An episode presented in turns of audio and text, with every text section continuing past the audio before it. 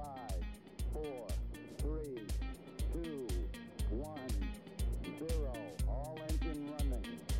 Liftoff. We have a liftoff. Välkommen till Holistikpodden med Anna och Nicky. Podcasten som handlar om delarna som utgör helheten. Vad kul att vara här igen. Ja, detsamma Anna. Hur, hur har du haft det? Vet du vad? Jag har haft ganska mycket att göra till att börja med. Och det har hänt lite roliga saker. Jag börjar styrketräna mer än vanligt. Och jag har också börjat köra karate igen, Kyokushin. Ja, Eh, du är ju en riktig um, karatenörd, kan man säga så? Ja, kampsportsnörd kanske, men absolut. Karate är ju fin. Man springer omkring i de här vita pyjamasarna. Nej, men jag menar inte att alla som kör karate är en nörd, men du är ju en nörd. du är ju en nörd i själ Ja. och hjärta liksom. Och när Ja. du börjar med karate, då, då nördar det till Mm. sig. Och jag Visst har lovat det att så här, ja, jag ska Mm. börja med karate igen. Då sa du så här, ja men snälla, inga så här massa karate-selfies och us, us, us överallt och sådär. Så här, okej, jag ska försöka bli bättre på det.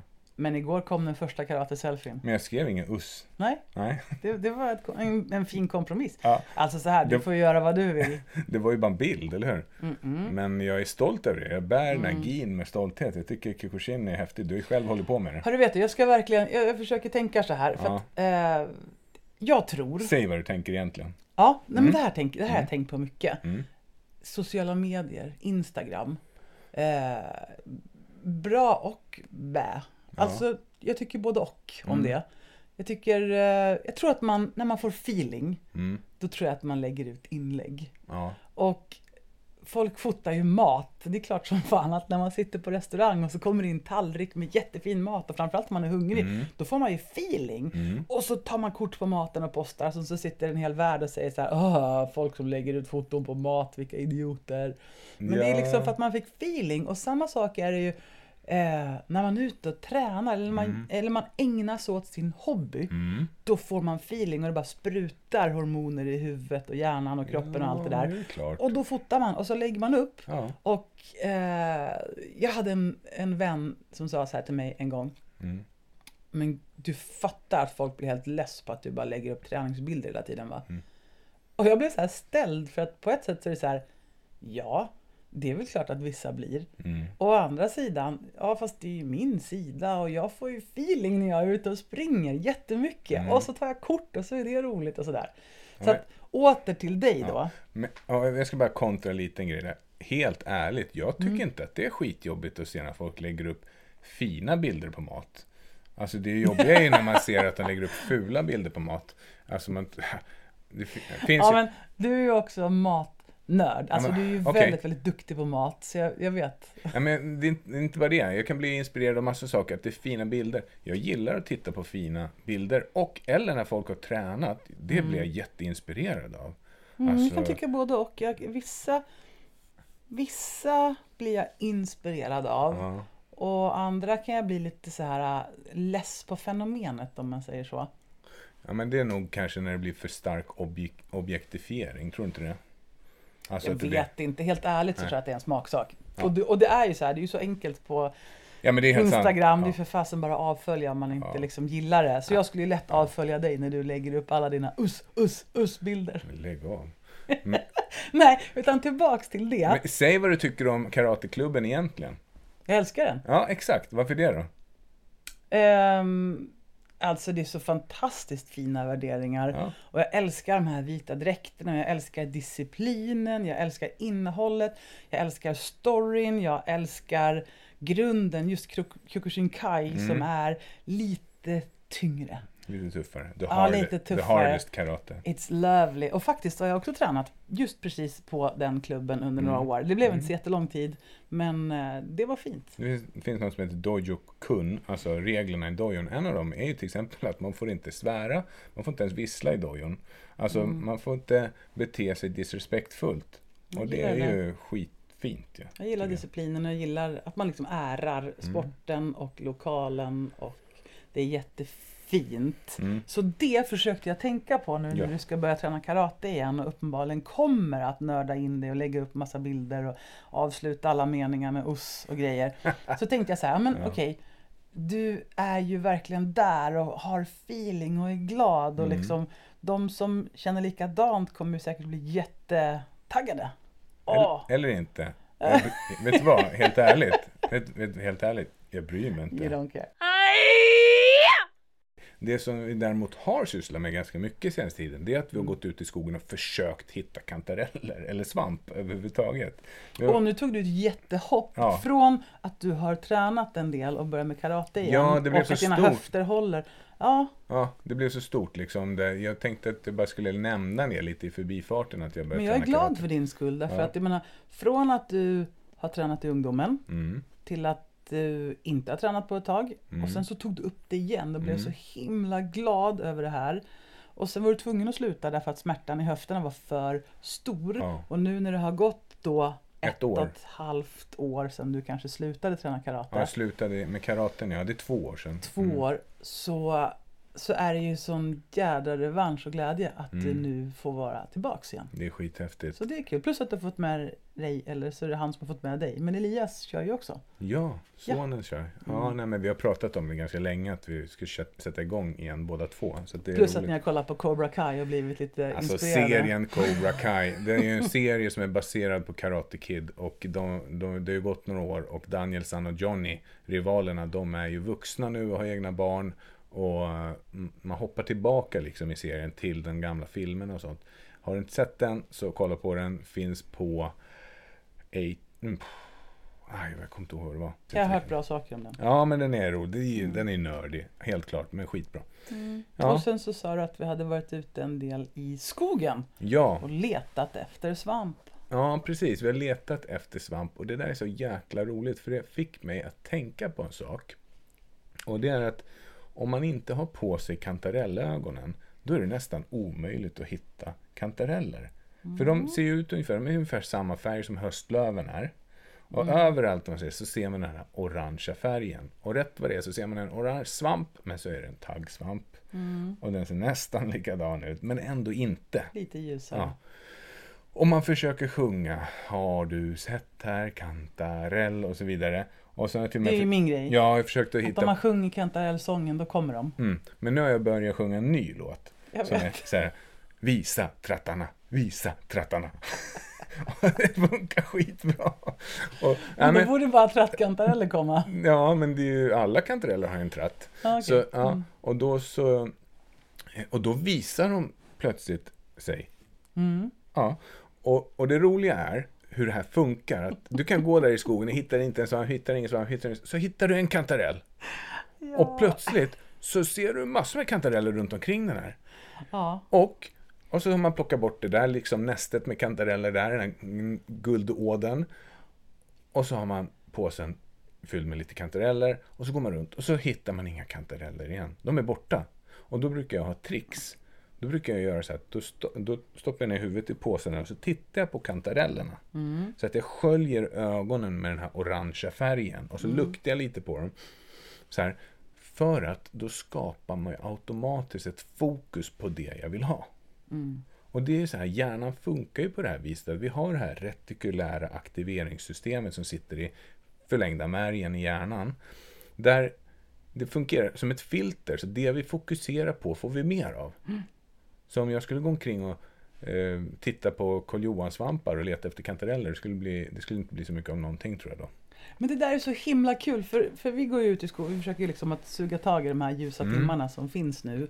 Och det är så jädra mysigt och mindful att få den här lilla skogspromenaden efter Mm. Det en är arbetsdag. fantastiskt är det. Ehm, Tända en brasa. Förstår då- du vad ursprungligt? Ja Mm. men precis. Och då när vi går och letar i skogen så brukar jag ofta tänka att jag tar blåbären för det gör inte du. Mm. Så jag ägnar mig åt blåbär ett tag. Mm. Och sen så går du och så sjunger du väl kantarellsångerna.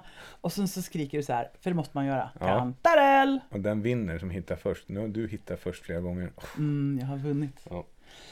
Så skriker du kantarell och då Mm. brukar jag säga så här, vänta, vänta, vänta, jag måste få komma och titta. Ja. Och det är inte för att jag inte har sett en kantarell förut. Nej. Utan det är ju för att få på det där eh, svampfiltret på ögonen så att Mm. man liksom lär ögonen det är det här du ska leta efter. Och när man då får syn på den här första kantarellen Mm. då går det mycket lättare att hitta flera. Mm. Det är som Och- allt annat i livet. Exakt! Och det är så lätt att komma till den här parallellen då att om man, om man börjar få fatt på framgång eller lycka eller tacksamhet och liksom verkligen gå all in på en, om du så är en pytteliten kantarell, alltså Mm. en pytteliten skymt av lycka eller framgång Mm. och verkligen fokuserar på det, sätter det i sitt filter i ögonen, då är det ju lätt att det ramlar på. Mm.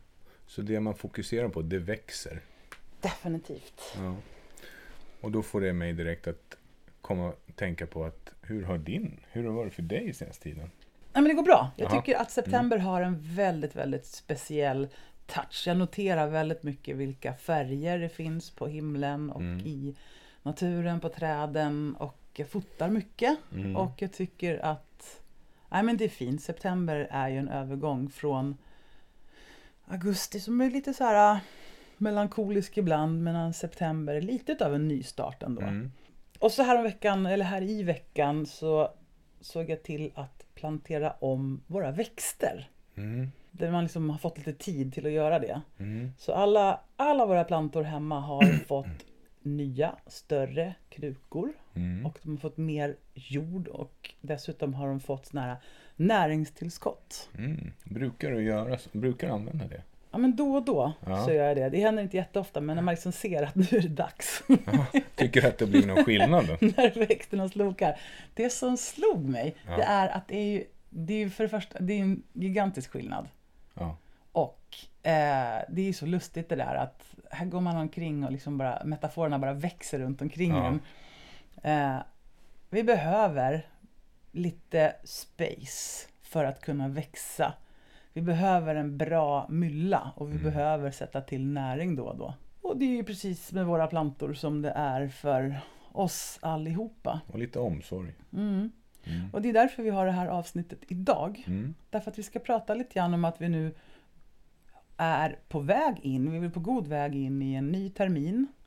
Nyår startar ju vårterminen men augusti-september startar ju höstterminen. Mm. Och jag vet att det är jättemånga människor som har enormt goda intentioner att nu ska vi komma igång med en ny termin. Och. Mm. ja men visst, Mm. man, det är lite grann som ett blankt papper liksom. Man, Mm. vänd, man byter blad, vänder sida. Så idag ska vi prata lite grann om hur ger man sig själv en bra mylla och fyller på med näring för att få det där som man siktar på ute Mm. efter. Och skapa en helhet i hösten. Liksom. Så är det. Och om vi pratar om det då, vad tänker Mm. att det kan leda till i förlängningen? Ja, alltså framförallt så är det som vanligt så här, vi vill ju att människor som lyssnar på oss ska få en bra känsla i vardagen. Vi vill Mm. att det ska kännas fint att leva, en känsla av mera flow i livet, mer balans, Mm. harmoni. Alla de här mjuka värdena som är... Ja, för en sak som står klart när man träffar, vi har ju lyxen att träffa individer, vi har ju ett antal träffar varje dag i vår Mm. arbetsvecka. Och eh, en sak som står klart är att folk kämpar. Mm, De lägger mycket kraft, tid och energi på att liksom få det här livspusslet att Ja. funka. mm, Så det vi vill göra det är ju liksom att vända och vrida lite grann på de här pusselbitarna och se hur kan man göra för att få ihop det här till ett trevligt och bra Ja. pussel. så lite fakta och filosofi. Som alltid, fakta och filosofi. Och jag tänker att idag så ska vi också prata lite grann om tankesätt. Mhm. Spännande. Ja, alltså för det, det är mycket snack om hur kan man göra, vad kan man göra. Mm. Men idag ska vi också prata om hur kan man tänka. Mm, På riktigt alltså. Mm. Mm. verkligen.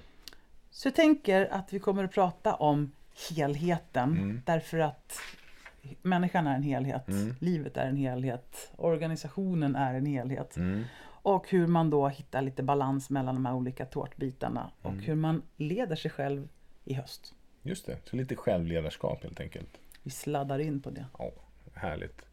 Jag tycker att eh, det här med tankesätt som du pratar om, det är lockande. Det är Mm, kul. Det är spännande Att, va? att ha en positiv livssyn. Mm. Att det är ju någonting som kan vara väldigt bra. Det betyder inte att man ska vara naiv. Men det är fint ändå.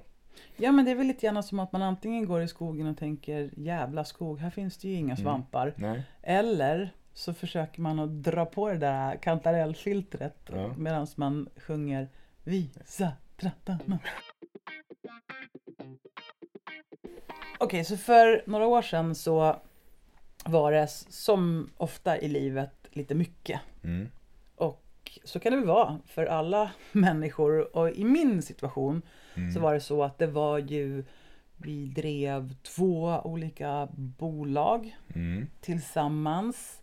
Eh, vi har projekt familj. Vi har tre stycken barn och jag gick omkring med en känsla av att fastän jag försöker få ihop mitt livspussel varje vecka så ligger de där bitarna där framför mig. Och jag försöker sätta ihop det här pusslet men det blir alltid en massa bitar över som liksom inte passar in. Jag får inte ihop det fastän jag vänder och vrider och zoomar ut och zoomar hit och dit så liksom det fasten mig vilse inte. Eh, och då träffade jag min, vår gode vän och mentor. Och han är ju en väldigt spännande människa som verkligen är bra på att utmana ens tankemönster. Och så sa jag det där med pusselbitarna, det är helt hopplöst för det känns som att jag har för många pusselbitar. Mm. Det går inte ihop. Och var det något jag hade fattat för länge sedan så var det liksom att ja men självklart, du måste liksom skala ner. Du måste ta bort saker, välja bort och säga nej. Mm. Och så säger han så här. Men det kanske inte är någon pusselbit som ska bort. Du kanske ska lägga till något. Och då blir det tilt i huvudet en stund. Mm. Vad menar du? Och vad var det du inte hörde? Jag sa ju precis att jag har för många pusselbitar. Ja. Ja, så funderar man lite grann på det där. Ska jag lägga till något? Jädra knasboll. Och så gjorde jag det. Mm, vad la du till?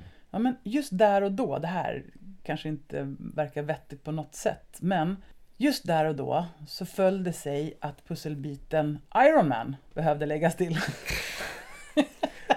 Provoke alert. Verkligen. Men, men, men så var det för mig, att just där och då så liksom föll den pusselbiten in. Jag tror jag ska ta och springa en liten Ironman. Ja, springa, precis. Det är simma, cykla och springa. Och, och det var helt perfekt. Och jag menar inte att det blev liksom mindre att göra i livet då, men det var som att pusslet löste sig. Intuitivt nästan. Men hur då? Alltså vad var, vad var det med pusselbiten som gjorde att det fick, fick det att lösa sig då? Jag antar att det var så här att istället för att lägga så förtvivlat mycket energi på att fokusera på att mitt pussel går inte ihop så la jag en massa glad och passionerad energi på att ägna mig åt att vara utomhus och eh, använda kroppen och uppleva naturen. Och då var det som att prioriteringen lite grann bara la sig på plats. Ja, du satte på dig- Ja, precis. Sätt på dig kantarellögonen. Jag fick kantarellögon eller ja. triathlonögon. Ja. Snyggt. Ehm, och det där är lite intressant att ibland så fokuserar vi så förtvivlat hårt på att lösa någonting. Ett pussel som inte går ihop, det går inte ihop. Och det kanske är precis det som är problemet, att vi får ett väldigt starkt problemfokus. Ja. Och den pusselbit som fattas är kanske inte alltid självklar, men den har med helheten att göra. Så är det. Och det här med helheten är ju spännande. Därför att man ser återigen till den modell som vi har skapat, som ju då kallas för holistiska ledarskapsmodellen. Eh, Då är det ju så att den består av tre delar. Det är RPF. Så, eh, de tre eh, bokstäverna som står för relation, eller relationer. Och P står för psykologi och F står för vår fysiologi. Och det sammanfattar ganska ordentligt mycket den helhet som vi som människor i det system som vi människor är består av. Mm.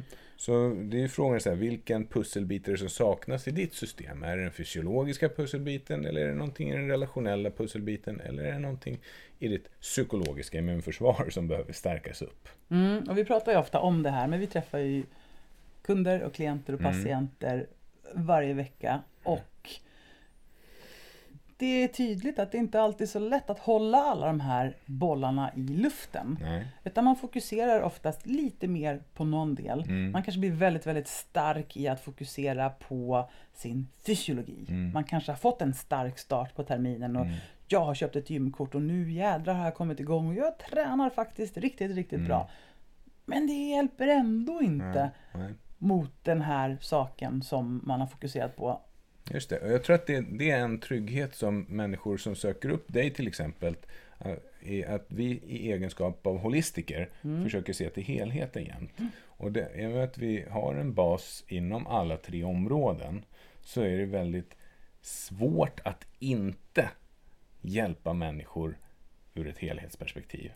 Man vill ju verkligen se till att alla delar fungerar lika bra. Mm. Och en fråga som vi alltid ställer är ju då hur ser livet ut runt omkring dig just nu? Mm. Vad är det som påverkar dig just nu? Mm. Och vanligtvis, jag menar, om någon kommer in och söker för huvudvärk eller Mm. jag har plötsligt fått så fruktansvärt ont i huvudet. Mm. Då blir man ju naturligtvis nyfiken. Okej, eh, vad har hänt? Mm. Har du gjort mer av någonting? Mm. Och då kanske någon berättar Ja, vi köpte ju 10 ton marksten som vi skulle flytta från punkt A till punkt B. Ja, Ja, men okej, bra. Då kanske det var det. Och så säger du så här, nej, ingenting. Jag tränar som vanligt. Ja, jobbar som vanligt. Jajamän. Mm. Ja, i och för sig, det var ju det att eh, en släkting gick och dog för några veckor sedan och det drabbade mig väldigt Mm. hårt. Ja, men då där har vi en förklaring Mm. som kanske inte känns som att det självklart skulle leda till huvudvärk. Mm. Men emotionella spänningar sätter sig i kroppen och så Mm. vidare. Och så vidare. Och viktigare än någonsin nu med covid-19. Jag menar, Mm. många av de symptom som folk uppvisar, de är ju ångestsymptom. Alltså det är ju Ja. rena rama ångestsymptom och det kan ju ha med oro eller hälsoångest att göra. Men man behöver se till helheten och om man då har förståelse för hur den här helheten hänger ihop, då Mm. kan man också ha utrymme för att hjälpa människor på riktigt. Vet du, det är ju någonting som både du och jag har tänkt på. Mm. Att några av de här artiklarna som man läser i tidningen Mm. om att ja, det var så konstigt därför Jag har fått hjärtklappning. Ja, precis. Jag, jag fick covid och efter det har jag i flera veckor haft bla bla bla Då spaltar de ju upp ångestsymptomen. Och så spaltar de upp ångestsymptom, precis. Där blir man lite nyfiken. Ja, Jag kan inte mycket. påstå mig säga att det är si eller så. Men det är slående att de listar upp just precis alla symptom Nej, på men helt ångest. ärligt, du är expert på just ångestproblematik. Det är jag expert Och det, ja. då är du väldigt, eh, väldigt, väldigt kompetent nog att kunna berätta att det där som du berättar om nu påminner starkt om ångest. Mm. Mm. Det är intressant i alla fall. Mm, det är det verkligen. Okej, så vi pratar lite grann om helhetsperspektivet och det är Mm. någonting som vi tycker väldigt mycket om att Mm. tala om. Mm. Och vi tänker också att nu står människor och har kickat igång en ny termin. Mm. Vissa har eh, sig själva mest att fokusera på. Mm. Andra har också andra personer i sin omgivning som de kanske sover och äter frukost ihop med. Så, så bara det är en liten helhet i sig. Just det. Och så här års, vad brukar folk göra då? Brukar- Komma igång med Nej, men man kommer igång med träning, man kommer igång med arbetet, ja. semestern är slut. Skolorna kommer igång. Skolorna börjar. Man kanske tänker att nu ska jag skaffa träningskort. Mm. Mm. Eh, man kanske tänker att man ska göra inköpslistor och veckomenyer och Mm. tänka på vad man äter och lite sådana Mm. saker. Kanske inte lika mycket som på våren. Då går man ju ändå mot shortstermin. Nu går man mot ylletröja-termin. Ja, jag tycker helt ärligt att fokus väldigt ofta ligger på, i alla fall när jag hör människor berätta så säger jag så här, ja nu är det höst ja, och nu blir det mörkt och nu blir det, nu blir det tråkigt och nu blir det kallt och nu blir det blött. Alltså det blir ju, kantarellögonen eh, har ju liksom blundat för länge sedan. Mm. De fokuserar på precis det de inte vill ha. Och vad kommer hända då, Anna? Ja, men då kommer man ju hitta det som man inte vill ha. Ja, precis. Mer utav Det det. blir så. Det blir ännu tråkigare och mörkare och kallare och blötare. Ja. Så en modell, en Mm. tankemodell Mm, som vi vill introducera. mm, Det är ju att först ställa sig frågan Vad är det jag vill till? just det. Vad är det för någonting jag vill uppnå? Mm, Och i det här läget så kan man ju kanske fokusera på att koppla in alla sina sinnen. Precis som när man hittar den här kantarellen. mm, Vad ser jag? Hur ser det ut runt omkring? Vad doftar det för någonting? Mossa och skog och så Mm, vidare. mm. Så att man verkligen upplever det här att det är det här jag vill till. mm. Det här Ja. är någonting som känns attraktivt och jag är beredd att göra nästan vad som helst för att Ja. komma hit. Och att det är viktigt att du som tänker den här tanken, det är du som vill till det här. Alltså jag vill till det här. Att det är jag i jag-form. Exakt. Man brukar ställa den här frågan initierat av vem då? Mm. Vad är den här vem har satt igång den här processen? Vem är det som vill hit? Ja. Och då vet man ju att det är väldigt sällan som det funkar bra när frun har köpt ett 10 klipp PT till mannen i julklapp. Nej, det blir sällan bra. Eller har du Inte- stött på någon gång när det Inte blir bra? Ja, jag har faktiskt det. Mm. Helt ärligt. Men eh, med en liten katalysator i form av mig själv. Alltså, Mm. de har köpt eh, PT-gånger men skickat mannen till mig på behandling. Mm. Mm. Du måste nog kolla upp din rygg hos eh, Nicky, han är duktig. Jo, men det är en bra start, Ja. precis. Och- Alla behöver slå i botten innan man kan Ja, börja... Och så via det har jag sagt att eh, ja, de har lirkat in där. Förresten, din fru har köpt PT till dig. Vad tycker du om det, det, ja, det vore bra. Ska vi inte ta tag i din rygg på en gång? Nu, ska vi göra det nu eller imorgon? Ja, men jag har också stött på det här exemplet att eh, jag finns här som coach, Mm, chefs och ledarcoach. mm, Och så har någon blivit skickad mm, till mig som coach av sin övre chef. mm. Och det är inte alltid som det upplevs positivt. Nej, Därför att om önskan kommer från individen själv, jag vill växa, jag vill Ja. utvecklas, jag har saker som jag vill ta upp.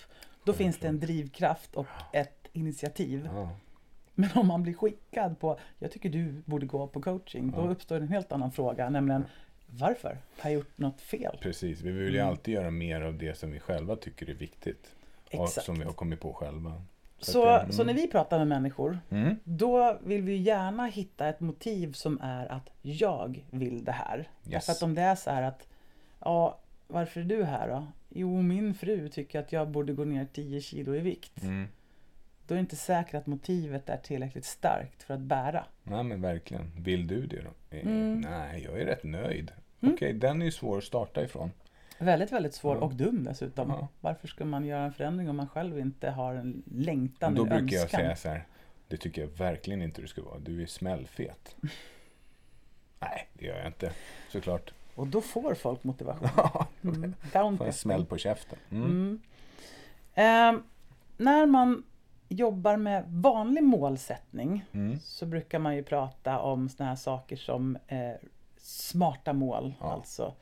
Eller race goals. Helt enkelt att man gör en ganska så rak målsättning. Specifikt och mätbart Precis. och alla de Vart, här grejerna. vart vill du till? När ska du uppnå det här? Hur ska du kunna mäta det?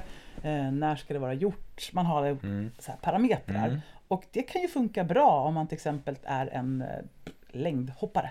Ja, eller om man ska gå ner 10 procentenheter fett. Ja, exakt. Ja. När det är lite fyrkantiga mål Verkligen. så funkar det jättebra. Mm. Det kan också fungera på en budget. Liksom, att, eh, vart ska vi nå? Ja, x antal Men kronor. hur målsätter man livet? Ja, precis. Hur Mm. målsätter man den här känslan? Vanligtvis, det folk vill när man Mm. frågar och skrapar lite Mm. grann på målen, Mm. det är att folk vill må bra. Folk Mm. vill uppleva den här känslan av att vara nöjd. Mm. Det var inte ett annat känsloläge. Exakt, Mm. man vill till ett annat känsloläge. Och det är väldigt sällan så att det går att uttrycka. Så jag kan inte sitta här och säga, ja men om nio kilo då är allt bra. Nej. Utan det är någonting annat. Idag sätter de flesta organisationer mål utifrån modeller som skapades för flera decennier sedan. Neuroforskarna David Rock och Elliot T. Berkman menar exempelvis att smarta mål som utvecklades på 80-talet inte tar hänsyn till att vi är människor. En robot som får en instruktion som den förstår kommer alltid att lyckas. Människor å andra sidan är mer komplexa och det finns en rad olika anledningar till att vi trots goda intentioner inte alltid gör det vi ska. Under målsättningsprocessen utvärderar amygdala i ditt limbiska system den del av hjärnan som skapar känslor i vilken grad målet är viktigt för dig. Därefter definierar din prefrontala cortex, din tänkande hjärna, detaljerna för vad målet innebär. Så egentligen spelar det ingen roll vad du målsätter för någonting så länge som det är känslobaserat. För din hjärna kommer att gå igång på vad den känner, inte om det är på riktigt eller på låtsas. Ett bra exempel på det här är en historia om skådespelaren Jim Carrey. Jim Carrey hade tidigt en dröm om att få synas på vita duken. Varje dag körde han sin risiga bil till Hollywood bara för att känna sig som en skådespelare. Han stannade vid ett stort skyltfönster i vilket han klart och tydligt kunde se sin spegelbild. På gatan imiterade Carrey sedan kända filmstjärnors röster och gester. Sessionen avslutades med de triumferande orden Jag är den mest framgångsrike skådespelaren i Hollywood! Han upprepade den här dagliga ritualen tills känslan infann sig att han verkligen var det på riktigt. En dag skrev Carrey ut en check till sig själv med texten För väl utförda skådespelarinsatser. Han undertecknade checken som var utställd på det blygsamma beloppet 3 miljoner dollar och bad den alltid med sig i plånboken. Checken påminde honom dagligen om, att, om hans målsättning. Drömmen var att en dag få täckning för checken och då kunna visa upp den för sin far vars arbete bestod i att rengöra en offentlig toalett. För att närma sig sina drömmar tog Jim teaterlektioner och uppträdde som ståuppkomiker. Flera regissörer uppmärksammade hans vitsiga shower vilket ledde till provspelningar inom filmen. När Jim Carrey flera år senare undertecknade kontraktet för storfilmen The Mask fick han äntligen täckning för checkens belopp. Tragiskt nog hade hans far redan hunnit avlida och Jim placerade checken vid graven. Carrey har haft en lysande karriär. Var, var hade han varit idag om han inte hade satt upp sina höga mål med en inlevelse och tjurskallighet av astronomiska mått? Ponera att du skrev en check till dig själv som du ännu inte hade täckning för. Vad skulle det stå på den? Så att om man försöker få fram den här sinnesbaserade Mm. upplevelsen. Vad är det jag vill uppleva för någonting? Vad ser jag, vad hör jag, vad känner jag? Vad kan jag dofta, vad kan jag smaka när jag är i det önskade läget? Ja, men precis. Man kan använda som om också. Mm. Alltså att som om jag redan är där. Vad upplever jag när jag nu redan är där jag vill vara? Att man hela tiden pratar som om det faktiskt redan har hänt. Så om man blundar Mm. och låtsas Mm. att Nu chip chop så har allting hänt. Mm. Och du visste inte hur och det var inte viktigt heller, liksom Nej. strunta i det. Men nu, whoop, så har det hänt och så är du framme i ditt mål. Mm. Kan du, får du upp en bild i huvudet då? Mm. Oh, Okej. Och så ser du någonting. Mm. Och så hör du någonting i den här äh, upplevelsen. Mm. Och så hör du vad du säger till, själv, till dig själv. Mm. Och vad andra säger till dig, Mm. om dig. Mm. Okej. Ehm, vad har vi mer för sinnen som kan vara inkopplade? Vad känner du för någonting? Ja. Känner saker. Okej, ja. Och kan du lägga märke till hur du också håller kroppen? Oh ja. Ja, och hur du liksom andas på ett visst sätt. Mm. Mm. Okej, bra. Och då snappar vi ur det just nu då. Men, Mm. men det där är ett bra sätt att på några sekunder bara flytta sig in Mm. och ge hjärnan kantarellögon. Just det. Alltså du har redan presenterat bilden. Här är den. Och det- Bilden av framgång. Vet du vad som är sjukt intressant med det? Nej. Det är att i det här området som vi kan kalla för det limbiska systemet, alltså Mm. mellanhjärnan där. Då, eller inte mellanhjärnan, förlåt. Däggdjurshjärnan, aphjärnan, det här som är känslostyrda. Mm. Där finns också hippocampus. Mm. Och hippocampus är ju liksom som våran inre GPS. Ja. Så att den, den på riktigt ställer in kompassnålen efter det som du känslomässigt är, som du är känslomässigt attraherad av. Mm. Så om du kan skapa ett attraktivt känslostyrt mål, Mm. då kommer hippocampus se till så att det där hamnar i fokus. Kommer leda dig dit. Mm. Och det sägs ju att alla saker inträffar två gånger. Först i fantasin Mm. och sen i verkligheten. Mm. Och då har du betat av en av gångerna Ja. och det blir lättare att hitta in nästa gång. Fantastiskt. Det här fungerar ju löjligt bra, Mm. det vet ju vi. Mm. Mm. Sen har vi en punkt som vi kallar för att bevara fördelarna av ett gammalt beteende. Mm. Det enklaste är ju, ja, Ja, precis. Det enklaste är att ta exemplet med rökning. Ja. Ja. Så om du är en rökare, då finns det ju då ett positivt beteende med rökningen, helt otroligt nog. Det kanske är att man till exempel kommer ut eh, från arbetsplatsen, går ut i, utomhus och tar några djupa andetag. Kanske till och med i sällskap med några andra som Ja. man då får hänga med en stund. Just det. Och då kan ju då, om man vill sluta röka eller bli rökfri, då kan man ju välja att bevara den de positiva beteendena av det som man redan gjorde, det vill säga att djupandas och att umgås med sina vänner och gå ut. Så då kan man ju gå ut och promenera, prata med sina vänner och fokusera på att andas i magen till exempel. Exakt, för att sluta Mm. cold turkey då kanske du kommer sakna både själva nikotinpåslaget Mm. Och vännerna och utomhus och att andas djupa andetag. Så då kan man ju liksom tänka att vad, vad är näst bästa saken då? Mm. Och det är precis som du sa, bevara fördelarna men ta bort den skadliga delen som du inte vill bevara. det som är destruktivt. Mm. Och det här kan man ju göra med alla sorters beteenden som man egentligen har. Istället för att Mm. lura sig själv och tänka att jag kan ändra beteende, det är hur lätt som helst. Mm. Så kan man titta på om man har ett beteende Mm. som man verkar ha svårt att skaka av sig. Mm.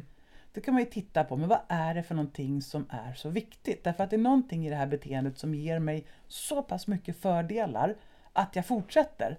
Även om det också ger nackdelar. Mm. Och då får man spana lite grann efter, vad är det för någonting som jag verkligen uppskattar så mycket i det här gamla beteendet? Och hur kan jag liksom suga ut det braiga och ta med mig det in i min målbild? Precis.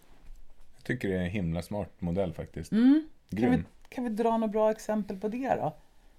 Hur tänker du då? Ja, jag tänker så här. Vad är det man försöker göra lite grann så här i början av en termin? Man kanske försöker skapa sig bra mat och kostvanor. Mm. Men man dras till att stanna på McDonalds på vägen hem. Just det. För Och- man är så himla hungrig och det går ju så snabbt. Mm. Och så kan man sitta där i bilen och trycka en burgare. Men sen kommer man hem och så tycker man att nej, nu blev det sådär igen. Så jag äter en sallad också. ja, precis. Det här är faktiskt ett, ett, eh, ett riktigt exempel. Som jag, jag hade en kund som Ja. gjorde det här. Kör. Mm. Mm. Nej men just precis det. Jag skulle köra bilen hem och det tog väl sisådär 50 minuter att komma hem. Mm. Och han, han visste ju liksom att hemma väntar middagen. Mm. Men halvvägs på vägen hem så finns ju McDonalds drive-in och det var ju så lätt och enkelt att trycka en burgare på vägen hem. Mhm, Mm. För att han var hungrig och för att det gick så snabbt och enkelt. Mm. Så då övervägde vi vad som skulle kunna funka bra. För ja, kan du hålla det tills du kommer hem då? Nej, Mm. det, nej det är lite för lång tid. Mm. Ja, Okej, men, men går det att göra något annat än hamburgare? Så då gjorde vi så här. Fixade en stor påse med nötter att ha i bilen. Mm. Och en näve nötter är som bekant ett mellanmål som inte innehåller så mycket skit. Nej. Men tillräckligt mycket kalorier och näringsämnen för att funka just precis som ett mellanmål Mm. tills dess att man har kommit hem. Mm. Och då var blodsockret lite mer stabilt, man fick någonting att pyssla med i bilen och så det. kunde man laga middagen hemma. Ja, funkade det? Det funkar jättebra. Det Grymt. funkar alldeles utmärkt. Han kickade Mm. den här vanan på, ja men det gick ganska fort faktiskt. Snyggt. Bra jobbat. Mm. Hur duktig du. Nej, det var ju han som var duktig. Ja. Mm. Så bevara. Och sen har vi alltid det viktigaste av allt. En ekologicheck. Hur, vad händer med miljön runt omkring dig när Mm. du gör allt det här? Mm. Mm. Vad händer i min omgivning när jag bestämmer mig för att göra en förändring? Mm. Blir det bra för min omgivning? Mm. Blir det bra för min framtid? Mm. Blir det bra för mig? Mm. Blir det bra för det stora hela? Just det. De frågorna är bra att ställa sig. Mm. Och om man svarar ja på dem, om man kan checka av det, då är det ju någonting som är viktigt på riktigt. Mm. Och då är det bara att köra. Vi har ett gammalt kul exempel från att du hade ett eh, coachinguppdrag Påminn mig. som skulle göra jättespännande sportsatsning. Mhm. Och ni lyckades bra där i coachingen och taggade upp en jädra energi. Ja, ja, ja, det här vill vi göra! Nu sätter vi planen. Var är målet? Jajamän, det här ska vi göra! Wow! Och sen ställde du frågan, hur, hur blir det här för era familjer då? Ja, okej, bra, tack. Det tog ett tag för mig att fatta. Mm.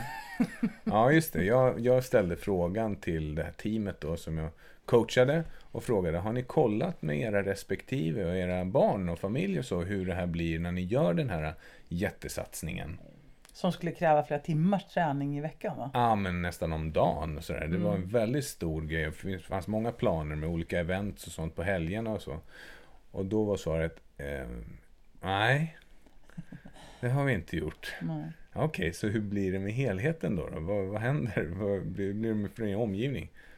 Ja, det kanske inte blir så bra. Hur blir det då i framtiden om Ja. det glitchar i Ja. familjelivet? Så då var de tvungna att faktiskt göra om planen.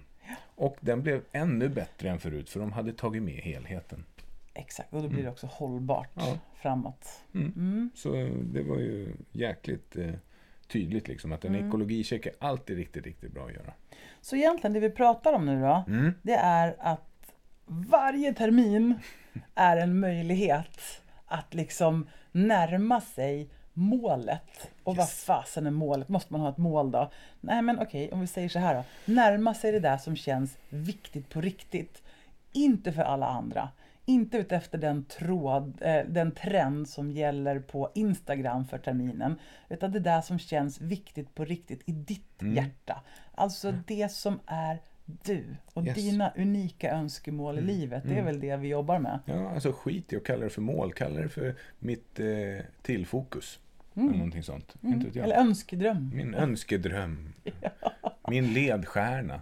Eller Ja, men alltså whatever, eller ja, hur? Verkligen. Men, men det vi definitivt vet, Mm. det är att när man får jobba vidare på Mm. att få vara mera autentisk, Mm. att få vara mera sig själv Mm. och följa sin inre ledstjärna, Mm. då kommer också mer av det här som vi kallar, kallar för flow. Mm. Eh, glädje, njut, Mm. engagemang. Mm. Allt det kommer ju när man har förmågan att lyssna på sig själv och dessutom vara den som bekräftar sig själv. Så är det. Mm. Att, eh, att se sig själv är ju superviktigt. Och framförallt så, en sak som är viktigt i det här, börja ta första steget. Gör någonting i rätt riktning. Därför att det, det kanske inte är så att du måste göra allt på en gång och bränna ut dig på köpet. Utan starta någonstans. Starta på en nivå där du tycker att det här känns bra, men du vet att det är en, ett steg i rätt riktning.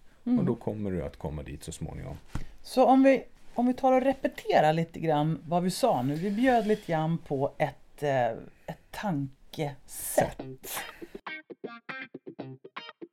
Så om vi tar och repeterar lite grann det här tankesättet som vi bjussade på i dagens avsnitt. Mm. Så hade den lite olika steg. Yes. Och det första steget, och det är bra om man har möjlighet att sätta sig eller gå eller stå eller ligga. Eh, men för en liten stund liksom fokusera och tänka efter vad är, vad är min ledstjärna? Vad är viktigt på riktigt i mitt liv? Alltså, vad vill jag till? Yes. Mm? Och att det är jag. Just precis. Initierat. Nästa steg Mm. är vem är det som vill det här? Mm. Så att man får en liten check på att gör jag det här för att någon annan tycker att jag borde? Mm. Gör jag det här för att min mamma eller pappa ansåg att det var rätt för Mm. många, många år sedan? Gör jag det här för att det här är en trend som verkar råda i samhället eller på sociala medier? Eller gör jag det här för min alldeles egna skull för att det känns viktigt för mig? Ligger inom min kontrollzon. Den är också bra. Mm. Ligger inom min kontrollzon. Berätta lite mer om det. Ja, men om det är så här att eh, om du ställer dig själv frågan, det här som jag vill förändra just nu, ligger det inom min kon- kontrollzon? Nej, men det kanske är så att det här är någonting som din partner egentligen behöver göra för att det ska kunna hända. Du Ja kan- just det, jag önskar jag hade en kille som köpte blommor till mig varje fredag. Ja, just det. Den är bra. Mm. Jag önskar att jag hade en kille som köpte blommor till mig varje fredag. Ja, men vad av det där ligger inom din kontrollzon då, Anna?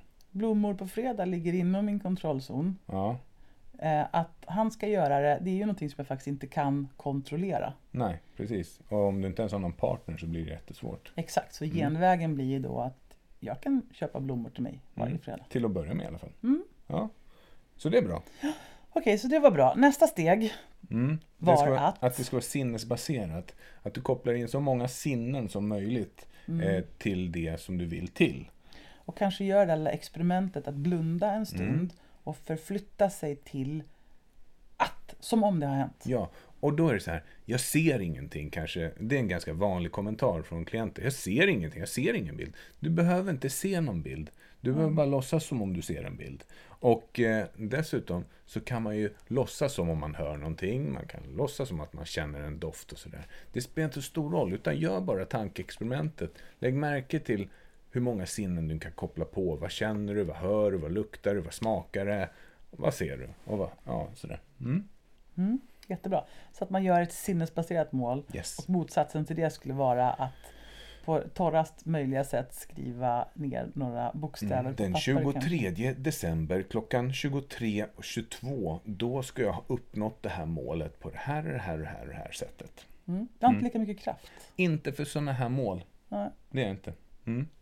All right, nästa steg det är att försöka få fatt på varför man har sitt befintliga beteende Mm. och sen försöka dra ur, alltså bevara fördelarna av det här beteendet och ta dem med sig in i det nya beteendet. Just det, Mm. precis. Om jag skulle ta ett jättefånigt exempel. Mm. Eh, jag skulle vilja komma iväg till gymmet och träna, men istället så ligger jag hemma och tittar på min absoluta favoritserie på Netflix. Bra. Då skulle man till exempel kunna ta med sig sin telefon, sätta sig på en motionscykel, köra så att svetten droppar och kolla på sin favoritserie Ja. på Netflix. Det är ett bra exempel Mm. på att liksom på något sätt ta med exempel. sig det man tycker är så mysigt men Mm. göra det på ett annat sätt. Eller, jag skulle så himla gärna vilja lyssna på alla avsnitt av Holistic-podden. Men jag, vet, och, men jag vet inte hur jag ska få till det nu när jag måste träna. Ja, men då tar man helt enkelt med sig hörlurarna till Ja. gymmet. Ja. Gud vad smart det är. Det jag har faktiskt ett exempel till Mm. som jag vet är så vanligt så jag tar det. Mm. Jag skulle vilja äta nyttigare på kvällen men vi är ju en barnfamilj och barnen måste ju få sin mat. Mm. Köttbullar och makaroner, spaghetti, köttfärssås. Mm. Så att jag får ju äta med dem. Mm. Det här händer så ofta Ja, det gör och den enklaste lösningen på det, det är ju till exempel, men byt ut någonting. Mm. Byt ut en grej, till exempel riv en butternut squash pumpa Mm. till pastor Mm. och ta köttfärs på det. Då har du gjort en gigantisk förbättring i din egen kosthållning men du kan fortfarande ge spaghetti och köttfärssås till dina barn om det känns viktigt. Ja, Mm. så är det. Kanske de också vill ha. Så bevara fördelarna. Exakt. Och sista biten, Anna. Och den sista biten är att göra en ekocheck. Alltid, alltid kolla. Vänta nu, hur kommer det här att fungera? Just det. Hur kommer det att fungera för mig? Mm. För min omgivning? För min framtid? Och för det som man kallar för the greater good. Alltså hur kommer det fungera in i helheten? Är det här en positiv kraft som jag slänger ut i världen när Mm. ska- jag gör det Den, här? den sista frågan, det är den som definierar syftet med varför du gör det. Mm. Mm. Den är ganska viktig. Mm. det är bra att ha ett why. Så vilka kan göra den här tankeexperimentet? Jag tror att alla intelligenta människor som vill skapa förändring kan Mm. göra det. Just det. Mm. Och vilka kommer att lyckas med det här? Alla kommer att lyckas med det som vill. Som gör det. Mm. Men sen är det lätt att man tänker så här, oh, smart. Det där, där ska jag testa någon gång. Mm. Då tänker jag så här att eh, ta ett första steg. Ta första minsta steg. Det som är absolut enklast för dig att göra som sätter bollen i rullning. Du vet om du står på en fotbollsplan och du vill börja sparka boll. Så länge som du bara har en ansats och liksom drar bak benet så kommer inte bollen flyga. Men du kan ju med pytte, pytteliten bara tåspetsar få bollen i rullning lite grann och då är den igång. Det jag glömde säga, det var ju så här när man gör det här sista steget, ekocheck, när man Mm. kollar, hur blir det här för mig, min omgivning, Mm. bla bla bla. Då behöver man inte komma fram till att, nej just det, det här blir inte så bra, utan det är då man justerar. Alltså man kan göra finjusteringar. Man kanske Ja. har tänkt på ett sätt och så glömde man att just jag har ju ett jobb att gå till också. Ah. Och då kan man finjustera så att man både får möjlighet att gå till jobbet och även sträva efter sitt mål. Eller vad det nu kan vara. Och sen är det så här, det var, det, jag måste bara berätta, det var ju så sjukt kul faktiskt. Mm. Här om dagen, i onsdags, när vi åkte in till Stockholm för Ja. att eh, spela in vår systerpodd Ja. som heter Hållbara prestationer, som vi kan Mm. berätta mer om någon gång i framtiden. Men håll utkik. Så var det så här, så åkte vi på motorvägen eh, och så såg vi en bil i diket. Ja. Och det här är precis den story som jag brukar dra när jag har mina föreläsningar. Då är det så här, för att jag pratade med våran vän Victor Boväng som är racerförare. Och jag frågade honom, hur får man ur en bil ur spinn? Ja, det gäller att ha fokus på körbanan hela tiden. Du behöver ha fokus på målet. Så att om du håller på att hamna i diket så kommer du titta på målet och då kommer din neurologi styra dig dit per automatik. Och för då finns det en liknelse när man tittar på, på en landsväg och så ser man en bil som har krockat. Och så sitter den i den enda telefonstolpen som finns på vägen. Det är liksom 50 meter mellan varje telefonstolpe. Så finns det bara åker på sidan om. Det var så fruktansvärt kul. Jag var liksom mitt ute på en helt öppen plan mark Ja. och enda stolpen, där satt bilen. Och Och, vi skulle ju ha stannat och fotat men då hade du förmodligen kört i diket så du gjorde inte det. Så, så vad hade hänt då? Jo, förmodligen så är det så här. Han fick sladd på bilen, eller hon fick sladd på bilen. Mest troligt han. Eh, och eh, tänker, oh, bara jag inte åker in i telefonstolpen. Bara jag inte åker in i telefonstolpen. Smack! Så sitter den där. I telefonstolpen. I med telefonstolpen. precision. Yes, så det jag vill säga det är att för att liksom kunna säkerställa att man faktiskt får det här resultatet som man vill så gäller det också att vara snabb i vändningarna. Det vill säga om du märker att det går lite åt fel håll, misströsta inte då utan fokusera igen på målet. Det, det du vill till. Lägg fokus på det och så startar du därifrån där du är nu, för du är fortfarande närmare än du var från början. Mm. Mm. That's good. Så vad har vi sagt nu då, om vi ska sammanfatta allt i en mening? Vi har sagt att det är många människor som lägger mycket tid, kraft och energi på att skapa en riktigt bra termin och vi vill finnas där som en stötta och ge lite olika bra verktyg för att Ibland behöver det inte vara så himla svårt, ibland är det lättare än man tror. Och genom att till exempel använda våra tankeexperiment som vi la fram i det här poddavsnittet så tror jag att man kan komma ganska långt. Mm. Verkligen. Mm. Och jag tänker, vad är det stora övergripande målet som vi liksom alltid har med oss som någon sorts ledstjärna i alla våra poddavsnitt? Det är att man ska få känna hopp och glädje. Mm. Att det känns som att det går alltid att göra någonting. Mm, det är sant. Mm. Vi vill ju liksom, vi letar ju efter det här ökade välmåendet. Mer, mer glädje, mer hopp, mer flow, mer engagemang, mer känsla av att man har samhörighet i livet. Ja, för helt ärligt, så här, det är ju inte alltid så. Det är ju inte alltid lätt för mig i livet heller, eller för dig i livet heller. Utan alla är vi människor. Vi sitter i samma båt och snurrar runt i universum som mänskligheten. Och på något sätt så behöver man ha liksom självmedkänsla med sig själv och förstå att det går alltid att göra saker och ting lite bättre.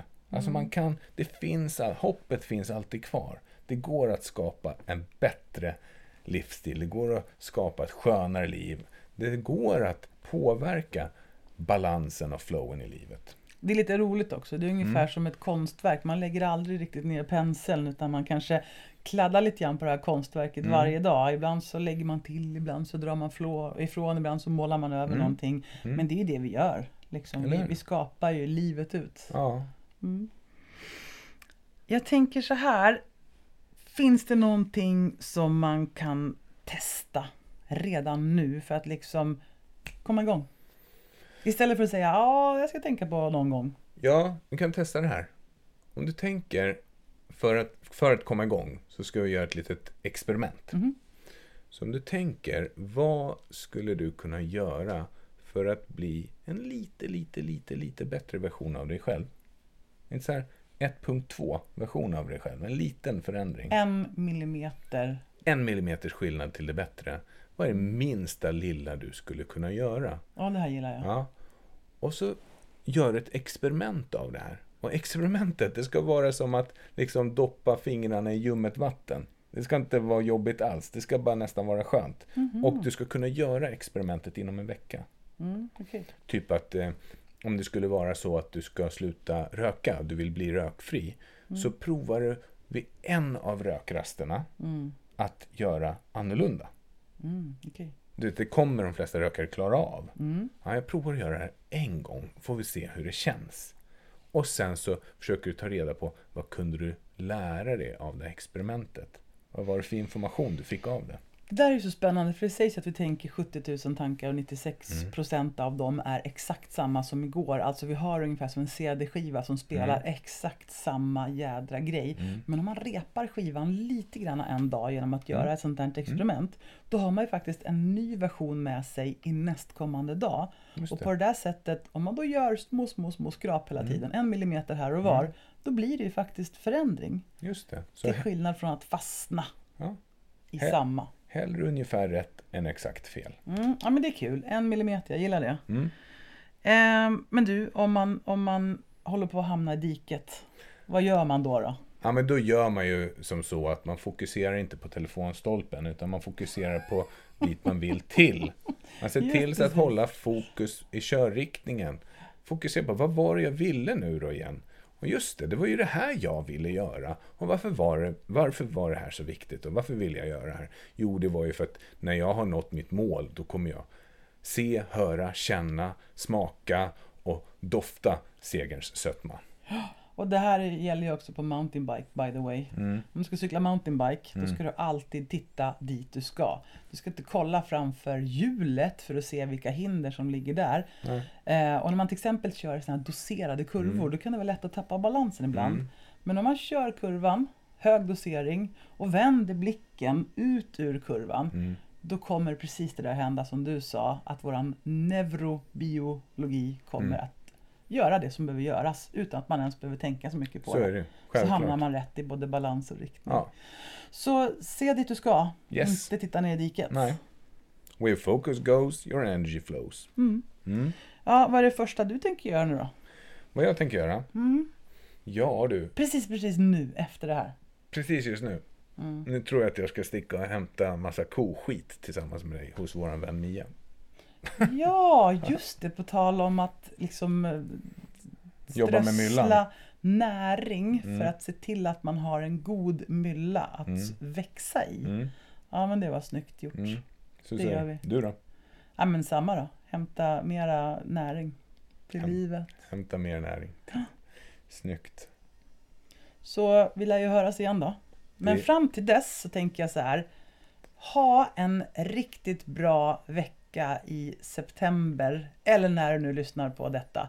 Gör dig själv en riktigt bra vecka och eh, ta med det där med en millimeter. Då. Just det, precis. Lyssna på det här då. Mm. Om ett problem är sånt att det går att göra någonting åt det, då finns det ingen anledning att oroa sig för det. Om det å andra sidan inte finns någon utväg, någon lösning, är det också meningslöst att oroa sig eftersom man ändå inte kan göra någonting åt det. Ooh, deep shit.